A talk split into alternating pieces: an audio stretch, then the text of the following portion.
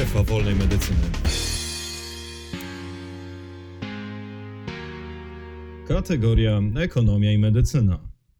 Pokaż lekarzu, co masz w garażu. Główny Urząd Statystyczny opublikował raport Struktura wynagrodzeń według zawodów. Wynika z niego, że lekarze są grupą zawodową, która uzyskała największe podwyżki, średnio 36%. Są to dane uśrednione z października 2018 roku.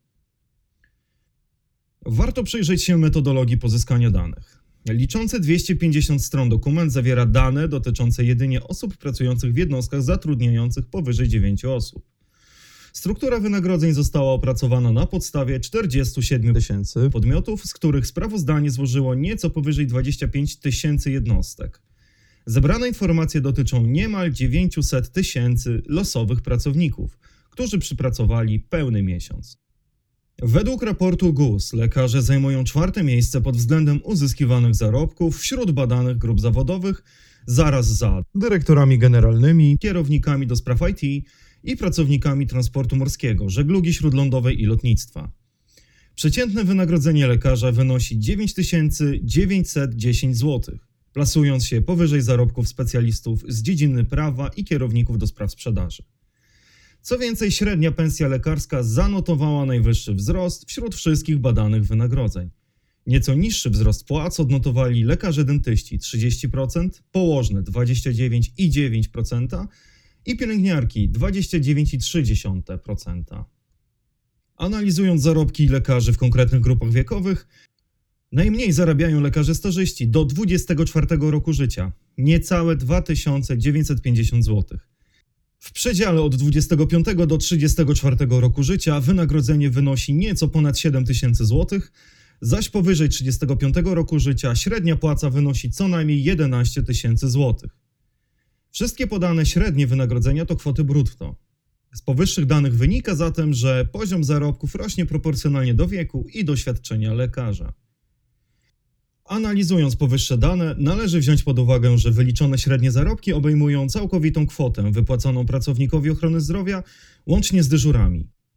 Odnosząc je do przepracowanego czasu, otrzymujemy pensję godzinową. Wówczas lekarz za godzinę pracy otrzymuje 50 zł, lekarz dentysta 31 zł, a pielęgniarka 30 zł. Oznacza to, że lekarz specjalista, chcąc wypracować średnią pensję według GUS, musi przepracować 220-240 godzin w miesiącu, czyli półtora etatu. Pracując w wymiarze jednego etatu, specjalista zarobi około 8 tysięcy złotych brutto, czyli netto 5700 zł, przynajmniej według analizy danych GUS. Analogicznie lekarz rezydent będzie musiał wypracować dwa etaty, aby uzyskać pensję wyliczoną przez GUS. Bowiem według raportu przygotowanego przez firmę HR Sedlak Sedlak średnia pensja lekarza w Polsce wynosi 6 tysięcy złotych brutto, czyli około 4300 netto.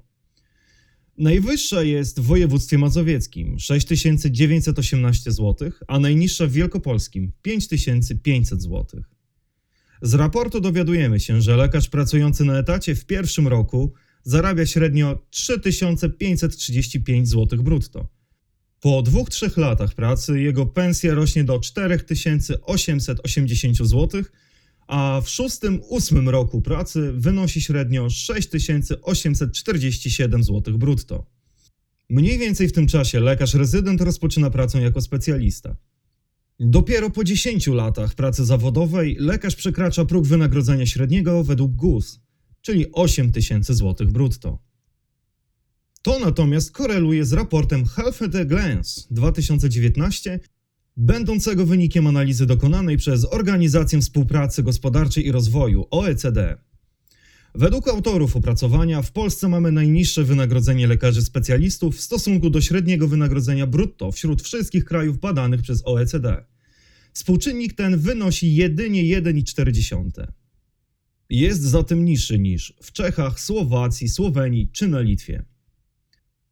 Dla porównania, w większości krajów objętych badaniem lekarze podstawowej opieki zdrowotnej zarabiają od 2 do 4-krotności średniego wynagrodzenia.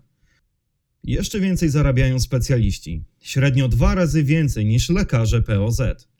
W Polsce jest jednak odwrotnie. W raporcie czytamy, że w kraju lekarze specjaliści zarabiają mniej niż lekarze POZ i to o 40%. Jakkolwiek optymistycznie raport GUS by nie wyglądał, dane w nim zawarte nie znajdują potwierdzenia w innych badaniach. W 2018 roku średnie wynagrodzenie w Polsce wynosiło niecałe 4600 zł brutto. Jeżeli przemnożymy je przez współczynnik OECD, to otrzymamy kwotę 6400 zł brutto. Jest ona zbliżona do wyników badania przeprowadzonego przez agencję Sedlak Sedlak. W danych GUS polski specjalista w tym czasie zarabiał co najmniej 11 tysięcy złotych, czyli niemal dwukrotnie więcej. Zainteresował Cię temat? Sprawdź artykuł na stronie medykacja.pl, gdzie znajdziesz szczegółowe dane pochodzące z omawianych raportów. Posłuchaj także pozostałych naszych podcastów.